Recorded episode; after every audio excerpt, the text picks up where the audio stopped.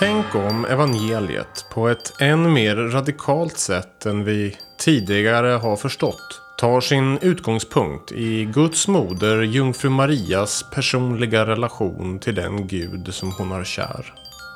Gregorius av Nyssa leder oss fram till mystika insikter kring Marias roll i evangeliet vars betydelse omöjligt kan underskattas.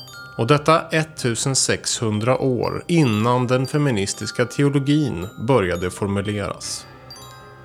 I detta andra och även nästa, tredje avsnitt om boken Moseliv kommer jag och Paul Resare att fördjupa oss i mysterier som tar sin utgångspunkt i gudsmoderns inre liv. För att ledas fram till mysterierna låter Gregorius av Nyssa oss slå följe med Moses. En dag då han är ute i vildmarken för att valla får. Denna dag får nämligen Moses se något enastående. Han ser en eld, långt mer strålande än solen, flammande i en törnebuske som inte brinner upp. När Gregorius börjar sin utläggning av innebörden av elden och den buske av törne som Moses nu närmar sig påminner Gregorius oss om en bibelvers som handlar om människans fall i tidens begynnelse. Det fall som sammanfattas med orden Förbannad skall marken vara för din skull. Törne och tistel skall den ge dig.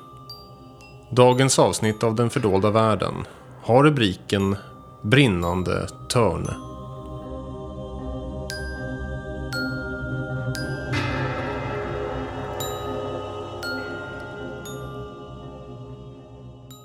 Gregorius skriver. För oss som lever i stillhet och frid skall en gång sanningen lysa fram och med sina strålar upplysa själens ögon. Och denna sanning, som en gång uppenbarade sig för Mose i en upplysning som inte kan fångas i ord, är Gud. Ja, när Mose har eh, flytt ur den egyptiska civilisationen eftersom han har hamnat i knipa så lever han en period som herde, lite undercover bland midjaniterna ute i bussen utanför den egyptiska staden. Ja, han är i Midjans land. Exakt. Tyckte jag alltid var så roligt när jag var liten. Mm. Att han är i Midjans land. Och där han vallar han sina får. Och det lägger Gregorius ut som att man ska leva i stillhet och tämja och sköta sina inre djur. Så här skriver han om det i alla fall. Mm. Mose levde ett ensligt liv i bergen, fjärran från städernas larm. Ensam i ödemarken skötte han fåren.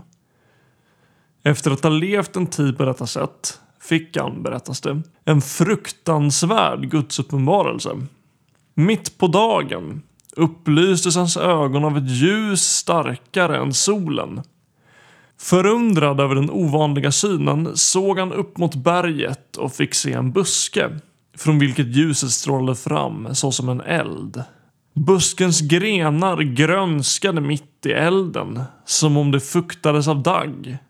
Han uppfattade det förunderliga ljuset, inte bara med sina ögon, utan, och det är det märkligaste av allt, ljusstrålarna upplyste också hans hörsel. Den nåd som ljuset uttryckte fördelade sig på båda sinnena. Ögonen belystes av de gnistrande strålar och hörseln upplystes av obefläckad undervisning. Den röst som kom från ljuset hindrade Mose att närma sig berget då han tyngdes ner av dödens skor. Men när han tagit av sig om fötterna kunde han beträda all den mark som kringstrålades av det gudomliga ljuset. Och den låga som upplyste profetens själ flammade upp från just en törnebuske. Ty Gud är sanning och sanningen är ljus. Ett ljus som har sänkt sig ända ned till den mänskliga naturen. Det lyser inte fram från någon fjärran stjärna utan från en jordisk buske vars strålar överträffar himlaljusen. Detta detta undervisar oss också om jungfruns mysterium. Gudomens ljus som hon genom födelsen lät lysa fram i människornas liv. Om vi har skorna på kan vi inte komma upp till den höjd där sanningens ljus skådas. Själens fötter måste först befrias från den döda och jordiska skinnbeklädnad som vår natur kläddes vid begynnelsen efter att ha brutit mot Guds vilja. Till detta kom en gång Mose och till detta kommer nu var och en som i likhet med honom tar av sig sin jordiska klädnad och ser mot det ljus som kommer från törnbusken. Det vill säga mot en stråle som lyser mot oss genom denna törnbuskes kött. Vilken är, så som evangeliet säger, det sanna ljuset och sanningen själv. Det här är ju en av de eh, vackraste ställena i hela boken. Där det här beskrivs. Och det är ju så oerhört fullpackat av mening. Moses ser alltså Gud i en törnebuske. Varför är det en törnebuske då? Gregorius av Nyssa, han tänker ju på att när människan faller så beskrivs det att eh, även jorden faller med människan. Och det beskrivs som någonting som kan liknas vid en sorts förbannelse eller bara ett kallt konstaterande. Att marken ska vara förbannad för din skull. Törne och tistel ska den ge dig. Törne och tistlar, det är någonting som hänger ihop med den fallna världen. Och om man tar och gör en undersökning i det bibliska materialet så märker man ganska snart att det är precis så det här begreppet sen används i det gamla testamentet och eh, även nya testamentet. Jag hade en vingård men nu är den full av törne och tistel. Ja, så att törnet är en bild för den fallna världen. Och nu ser Moses Gud i den fallna världen. Men för att eh, Moses ska få komma fram till den här insikten om Gud som strålar genom törnet så, så måste han eh, förbereda sig. Ja, det står ju att han måste ta av sig sina sandaler. Och det där hänger ihop med någonting som vi har pratat om tidigare. Vad är det där för någonting? Det här att Moses ska ta av sig sandalerna.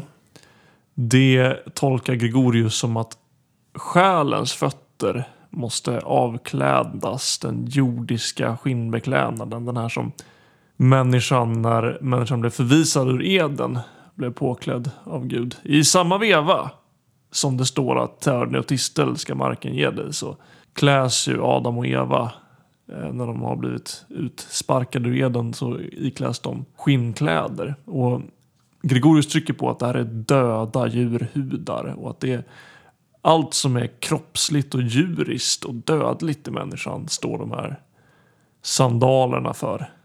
Och det här reagerade jag verkligen på första gången jag läste boken. Att det här, återigen, det här är ett av de här ställena där eh, Gregorius verkar uttrycka en ganska extrem syn på fallet och den fallna världen. Ja, vad, vad tänkte du först? Och vad tänker du nu? Alltså jag tänkte först att det här låter ju gnostiskt. Han eh, kallas ju ortodoxins pelare. Hur går det här ihop?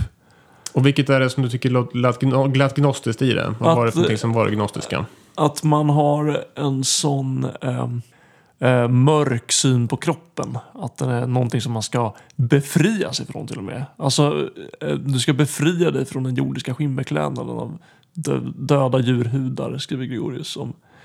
Eh, och det är det, det är det som är liksom eh, läxan i det att Mose måste ta av sig skorna för att komma i närheten av busken. Och eh, jag tänker ju att i, i kristen tro är det ändå någonting att köttet ska med. Eh, så därför blev jag väldigt förvånad över att förstå att nej, men du ska befria dig från, från det här kroppsliga. Du ska släppa taget om det och det, det, det ska inte med här. Så det, det tyckte jag lät väldigt märkligt. Men då får man ju tänka på det här med askes och äktenskap som vi har presenterat. Ja, och det här är väl om något kanske ett av de bästa exemplen på hur det här fungerar i praktiken på en och samma, vid en och samma berättelse. På ett så kortfattat sätt så visar han precis hur han menar. Moses måste ta av sig sin djuriskhet, sin dödlighet, sin koppling till det jordiska. Men vad händer sen? Ja, sen kan han se Gud i törnet, det vill säga i den fallna världen och i det djuriska, dödliga, jordiska. Där lyser Gud fram. Men för att se det så måste han först få en distans till det här jordiska. Och det här, om man bara tänker på det en stund så inser man hur självklart det är från ett eh, mystikt praktiskt perspektiv. Alltså, vi är ju väldigt upptagna vid världen. Om vi så att säga inte vandrar på vägen. Men för att börja vandra på vägen så måste vi lämna den så att säga vanliga världen bakom oss ett tag. Och när vi sen börjar se Gud så kommer vi också att se Gud i världen. I ett helt nytt ljus kommer allting framträda. Så att det här är ju på ett sätt ett eh, recept för mystik. Som eh, Gregoriusson nyss om och om igen presenterar. Det finns också ett annat ställe där vi möter törnet i Bibeln. Som också kan så att säga bidra eh, med perspektiv på vad det är för någonting som det här handlar om. Tänker du på Törnekronan? Ja, exakt. Vad kan vi säga om den? Alltså, Törnet har ju genom Bibeln på flera olika ställen verkligen presenterats som någonting mörkt och eh, fallet och jobbigt som man till och med ska akta sig för. Men till slut, när Jesus hänger på korset, så har det här törnet blivit en, en eh, symbol för hans ära. Det kronan högst uppe på Jesus och sitter det här törnet. Han har tagit på sig synden och gjort den till en krona. Upp är ner och ner är upp. Ja, precis. Det som hör till marken är nu högst upp. Det är ju verkligen någonting som händer sen genom himmelsfärden. Alltså så här. Jag tror att eh, i vår eh, svenska kyrklighet så är det lite grann ett... Eh, ja, jag tror att det är många som eh, inte riktigt uppskattar så mycket traditionen att fira Kristi himmelsfärd. Jag tror inte att det är utan anledning att den traditionen i Sverige brukar kallas för Kristi flygare. alltså, eh, och det är just det här att man vill inte riktigt kännas vid tanken på att Gud i Jesus Kristus har en kroppslig himmelsfärd. Men på ett sätt så är ju det själva slutkontentan av den interna logiken som det är att Gud vill bli människa. Om Gud vill bli människa, varför skulle han då sluta vara människa? Alltså sluta ha en kropp och så vidare. Ibland kan man ju höra människor som säger så här. Gud vet vad du känner. För han har själv varit människa en gång. Och då vill jag alltid bara säga så här. Vänta nu ett tag.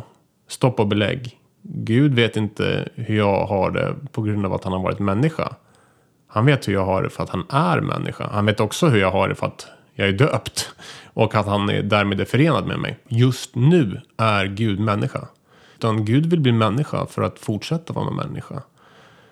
Och det är ju någonting som man verkligen förstår när man tänker över att Jesus har en törnekrona. Han låter kröna sig med den fallna världen. Exakt.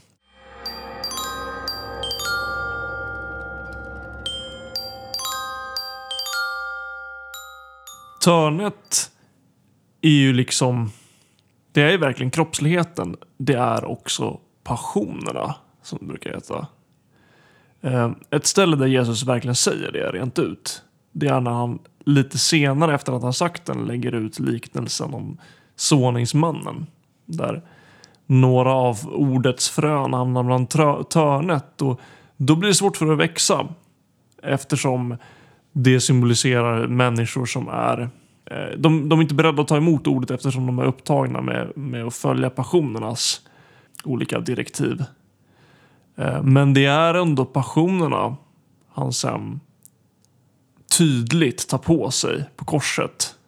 När han plockar upp de här, det här törnet och sätter det högst upp. Ja, det kallas ju på engelska The, The Passion. passion. Ja, passionsberättelsen. Ja, här ser vi alltså också en, och det kommer vi komma till. Vi kommer ju behöva resonera lite grann kring det här med jungfruns mysterium. För det finns också vid sidan om Jesus en annan person som är invävd i den här berättelsen.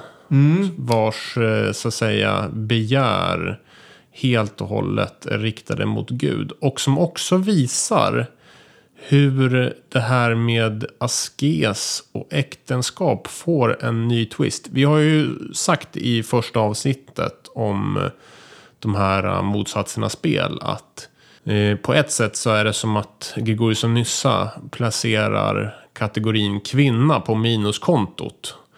Alltså det kvinnliga är någonting som så att säga Gregorius och Nyssa och det kan man ju verkligen studsa på. Eh, menar att man så att säga i någon mening skall fly undan. Han kopplar det till det mörka, kaotiska och djuriska. Till att börja med. Ja. Ja, Men vad händer här?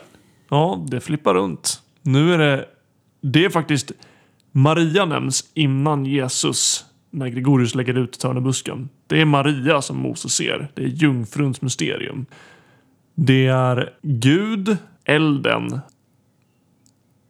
som strålar genom törnebusken som är Maria. Det kvinnliga törnet, men också den som visar Gud. Som ger Gud i världen. Precis, den heliga elden brinner i Maria som är den brinnande busken. Och hon förenar i sig själv det här i sig. Man kan ju först tänka att så att säga Maria bara blir ett sorts eh, passivt eh, verktyg. Men om man tar och resonerar lite grann kring det hela då inser man ju storheten. I Vallby utanför Enköping hos Mariadöttrarna så finns det en ikon av Maria som är bland den vackraste som jag har sett. Och då är det Jungfru Maria som är havande. Det lyser om henne. Och hon har en gloria där hon har ett kors. Och det här korsglorian, det är någonting som alltid annars Jesus har. Så varför har hon Jesus gloria? Jo, för hon är havande med Kristus. Hon har just genom sin bebådelse sagt ja till Gud. Och därigenom blivit ett med Gud.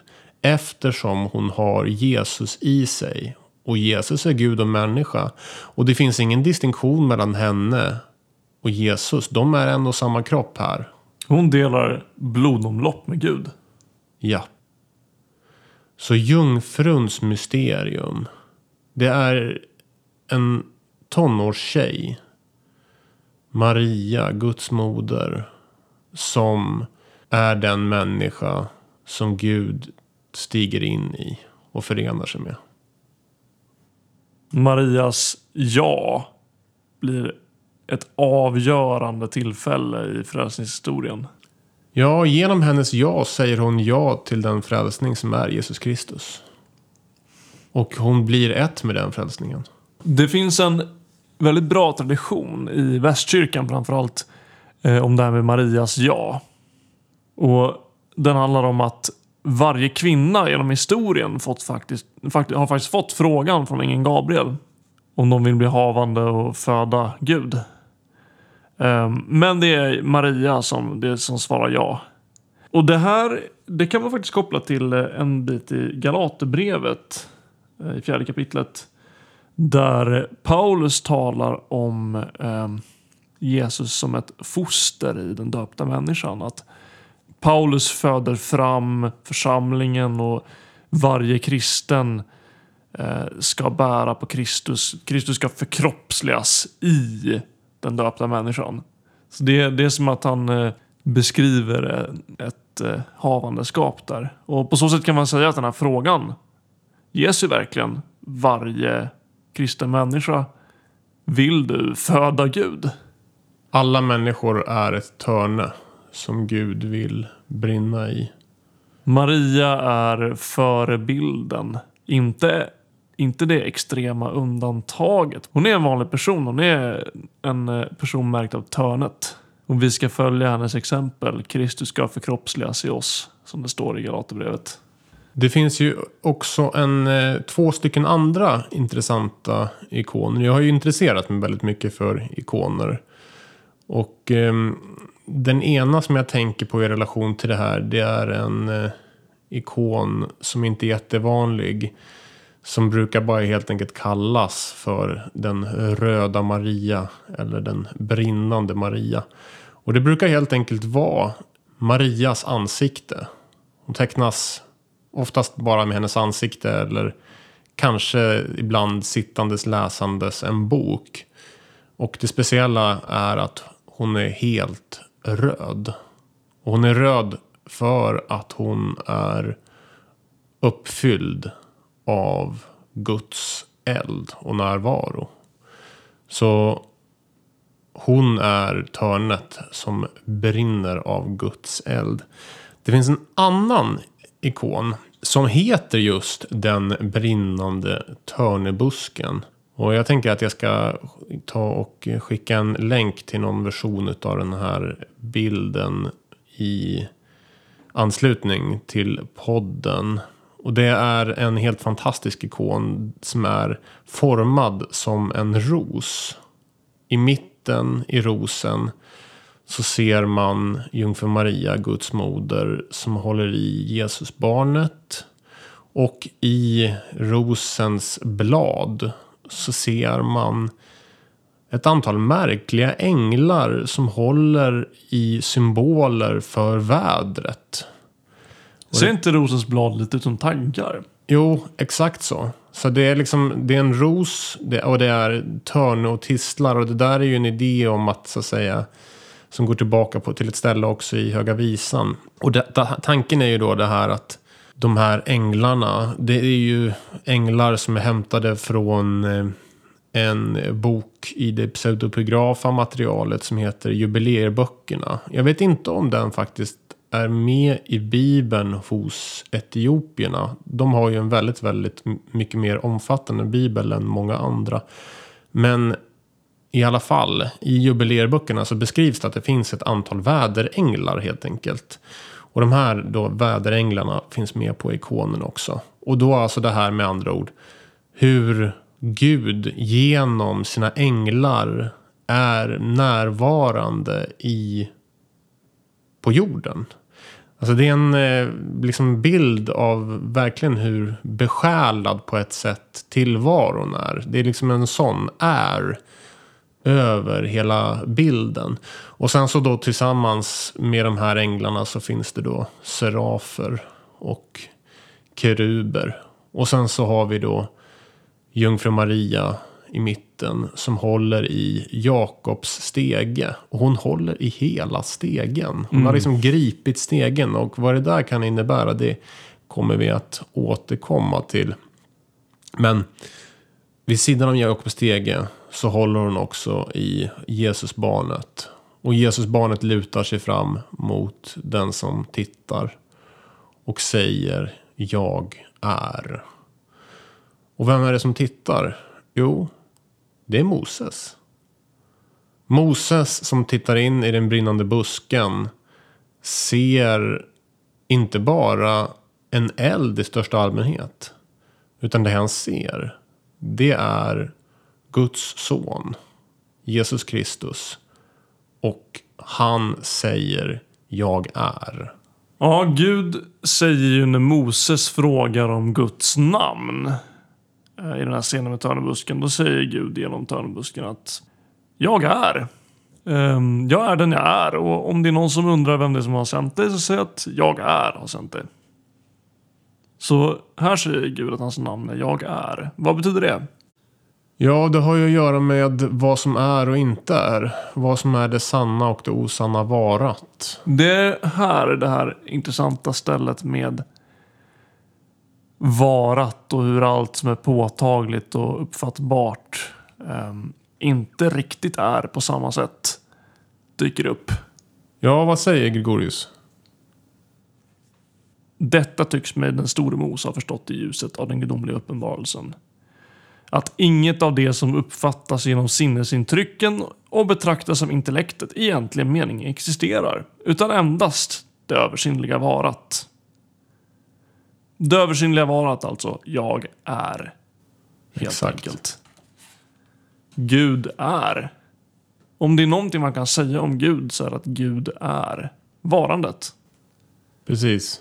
Det är Gud som är själva varandet. Ja. Jag har alltid tyckt att frågan om finns Gud utifrån med de här sakerna i bakhuvudet så blir den lite märklig. Just det. Det, det finns många intressanta frågor man kan ställa om Gud och vad man kan tro om Gud och vad man kan veta om Gud. Eh, men jag tänker verkligen att eftersom Gud är varandet så är det minimi man kan säga om Gud att Gud är. Det säger ju Gud själv i Andra Mosebok. Jag är. Själva varandet är Gud. Exakt. Så eh, för, för mig blir frågan, tror du på Gud? Det blir inte en fråga om jag tror att Gud existerar, utan det blir vad, vad tror jag om Gud? Hur förhåller jag mig till Gud? Hur relaterar jag till Gud? Litar jag på Gud? Det blir frågorna som ligger i det här, tror du på Gud?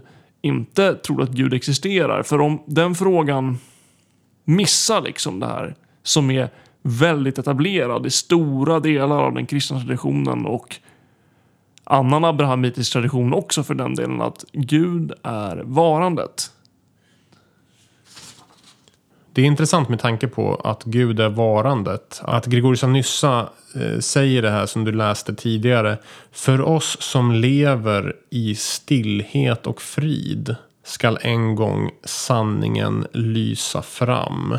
För han säger också på ett annat ställe att det här att känna sanningen det är att inte ha en felaktig uppfattning angående varat. Och uppfattning här ska man nog inte ta som en sorts liksom allmän... Åsikt. Nej, det är ingen åsiktsrelaterad sak. Det har att göra med frågan om vad som finns och inte finns och vad som egentligen är verkligt. Ja, ifall man uppfattar det. Han säger ju så här på ett ställe. Detta bör inte vara oklart för dem som ordentligt har tagit emot vår trosmysterium. Ty av allt finns det endast en som både existerade före all tid och kom till tidens slut. Han behövde ingen början i tiden. Ty hur kunde den som existerade före tid och evighet behöva en början i tiden? Men för vår skull, vi som av tanklöshet förlorat vårt vara, samtyckte han till att födas likt oss för att återföra till varandet det som förlorat sitt varande. Detta är den enfödde guden som i sig sammanfattar allt. Jesus är varat som träder in i icke-varat. Det är liksom sanningen som träder in i halvsanningen. Det är en gud som träder in i den flytande världen. Ja. Den dödliga världen. Den djuriska världen. Den värld som så att säga är ett bländeverk till viss del genom fallet. Kristus är densamma igår och idag och imorgon men den här världen är aldrig densamma. Den flyter omkring och gör nya saker hela tiden. Ja, man kan ju verkligen få för sig att den är beständig. Och det är ju lite grann det här som Luther tar och fäktar efter i katekesen. Alltså, vad litar du på som din gud? Mm. Alltså, dagens människor skulle han säga så här. De tror att sin karriär, sitt hus, sina ägodelar som de har ackumulerat är Gud eller gudar. För de tror att de är beständiga. Men de är inte beständiga. De tror att de ska få ut någonting beständigt av det. De tror att de ska få en beständig trygghet. Exakt. Det är lätt att uppleva det så. Precis så. I, man, någon har ju sagt det här att nakna kommer vi in i världen och nakna ska vi stiga ur den. Egentligen är vi nakna mitt i den. Om vi ser som det är så är vi nakna mitt i världen. Vi tror kunna klä på oss alla möjliga ägodelar som är beständiga. Det finns inget beständigt i dem. Endast Gud är. Och det är också därför som Gud har den högsta nivån av verklighet. Och allt det flytande och förgängliga har inte samma grad av verklighet i den fallna tillvaron. Precis det.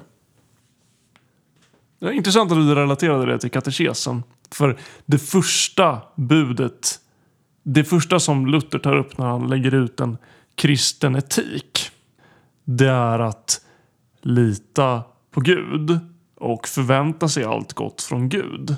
Och med detta i åtanke så kan man prioritera allt annat man längtar efter och prioritera om man relaterar det till det här med att Gud är beständig och det är från Gud som är den sanna varat. Det är därifrån jag kan ha en grund. Exakt det.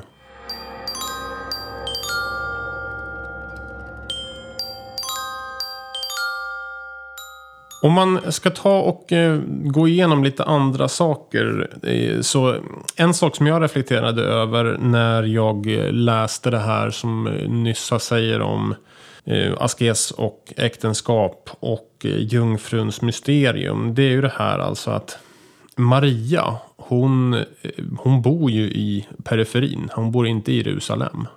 Hon bor liksom utanför, inte innanför. I östkyrklig tradition, då menar man ju att Maria födde Jesus i en grotta utanför Betlehem. Alltså, hon föder Jesus i vildmarken. Fick inte rum i något av husen. Precis. Eh, det står ju faktiskt inte någonting om något stall. Nu kommer såklart många människor gå hem och slå i sina biblar för man är helt säker på att det finns något stall där. Och då kommer man upptäcka att det inte finns något stall. Det som finns det är en krubba. Och det fanns det i grottan. Alltså på den här tiden så hade man såna här grottor. Herdar på den här tiden hade grottor som man hade djur i. Och eh, Jesus han läggs i en grotta. Det finns en del apokryfer efter evangelierna som faktiskt skriver det rent ut att det är en grotta. Och det Ja. är någonting som ändå kyrkans tradition har plockat upp. Ja, det, det är den här boken Jakobs protoevangelium. Och den är, den är ju nästan en del av Bibeln i den ortodoxa kyrkan. Nästan, alltså jag är säker på den. Näst, den är nära in på, nära in på Bibel. För det, det är så fruktansvärt mycket av det materialet som finns i Jakobs protoevangelium som de så att säga tar som helt självklara saker i Eh, berättelsen om eh, framförallt eh, alltså händelserna kring inkarnationen. Det finns några andra grejer, tänker jag, som är intressanta i relation till det här med motsatsernas spel. Det är ju det här att det är inte änglarna som är närmast Jesus när han föds, utan det är djuren.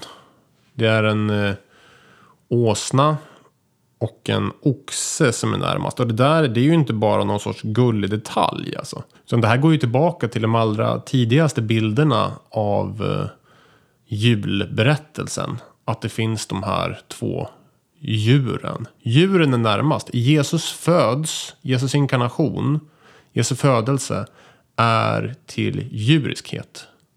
Det i alla fall brukar det avbildas så att de här djuren är just en åsna och en oxe.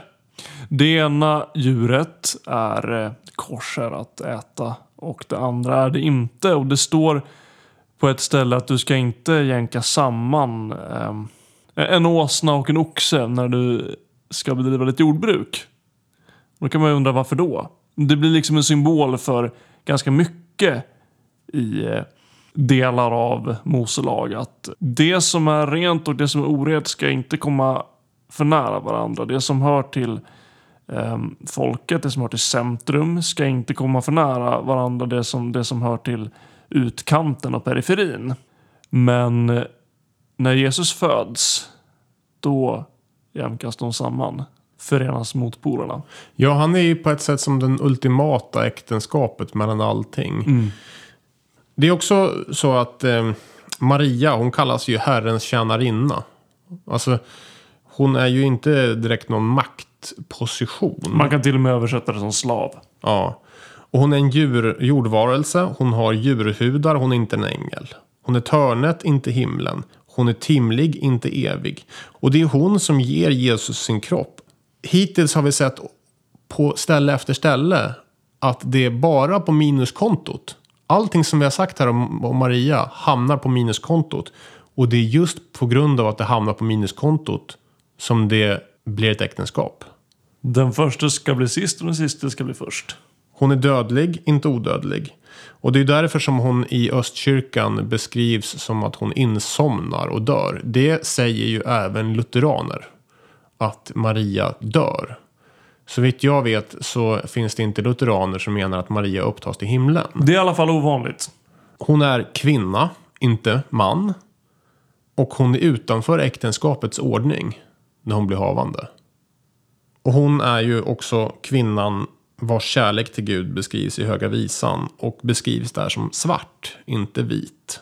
Sen dessutom, i relation till det här med varat och icke varat, det här med varat och det flytande, varat och den flytande världen, så betyder ju faktiskt Maria de bittra vattnen. Det är en möjlig översättning i alla fall av Miriam. Ja, hennes namn, de bittra vattnen. Alltså Maria som det flytande som Gud förenar sig med. Någonting jag har eh, studsat på i bebådelsen. Det är att ängeln Gabriel säger den heliga anden ska komma över dig och den högstes kraft ska överskugga dig. I Bibel 2000 har det blivit vila över dig men i nästan alla översätt andra översättningar så heter det overshadow eller överskugga.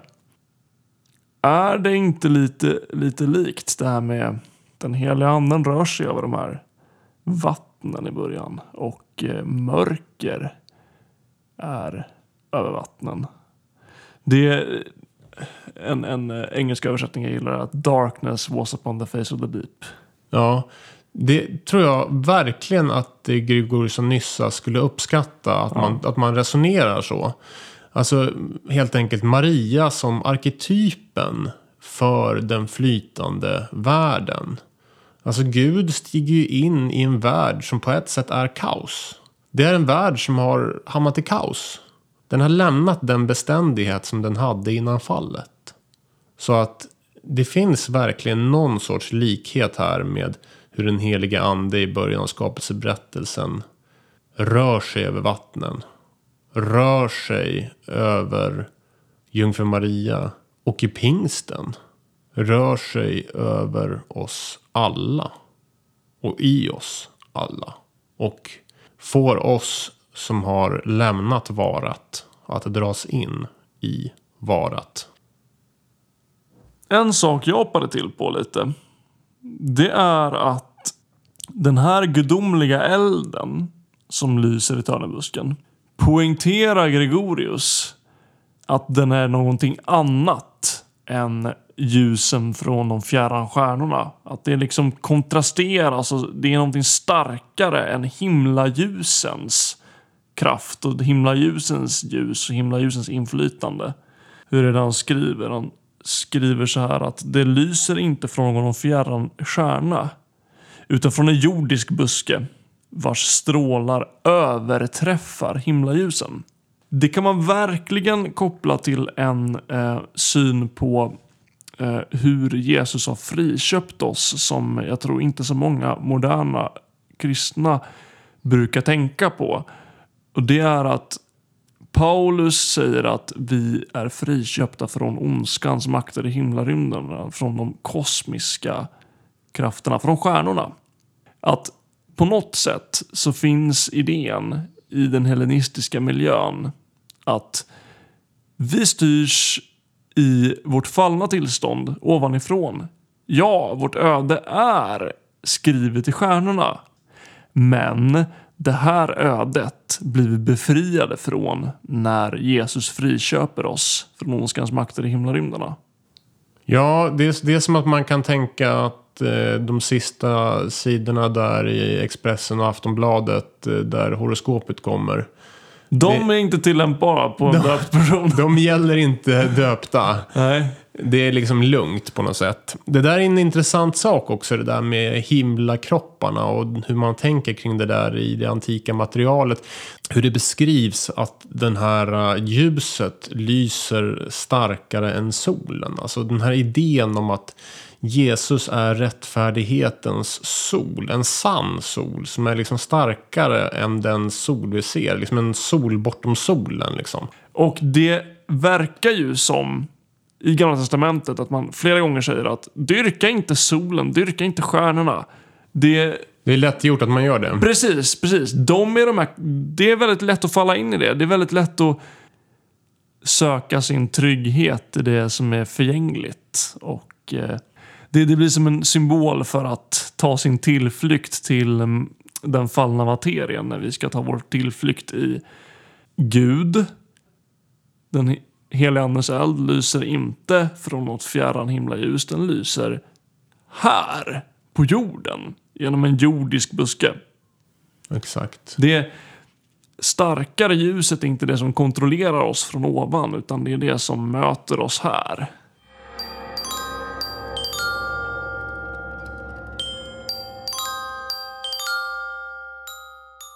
Du har lyssnat på Den fördolda världen. En podd om kristen mystik och det inre livet. Vår hemsida finner du på denfördoldavarelden.se. Där finns också en lista över kommande avsnitt. Bilder från inspelningar, de konstverk och ikoner som refereras till i samtalen samt annat av intresse kan man finna om man går in på Instagramkontot Sällskapet Nos. Om du uppskattar poddens innehåll skulle vi vilja be dig att prenumerera på podden och ge den en positiv recension i ditt podcastprogram. Det hjälper oss att nå ut till fler, så vi är mycket tacksamma om du gör det. Om du vill vara med och fortsätta samtalet är du varmt välkommen till vår Facebookgrupp. Den fördolda världen.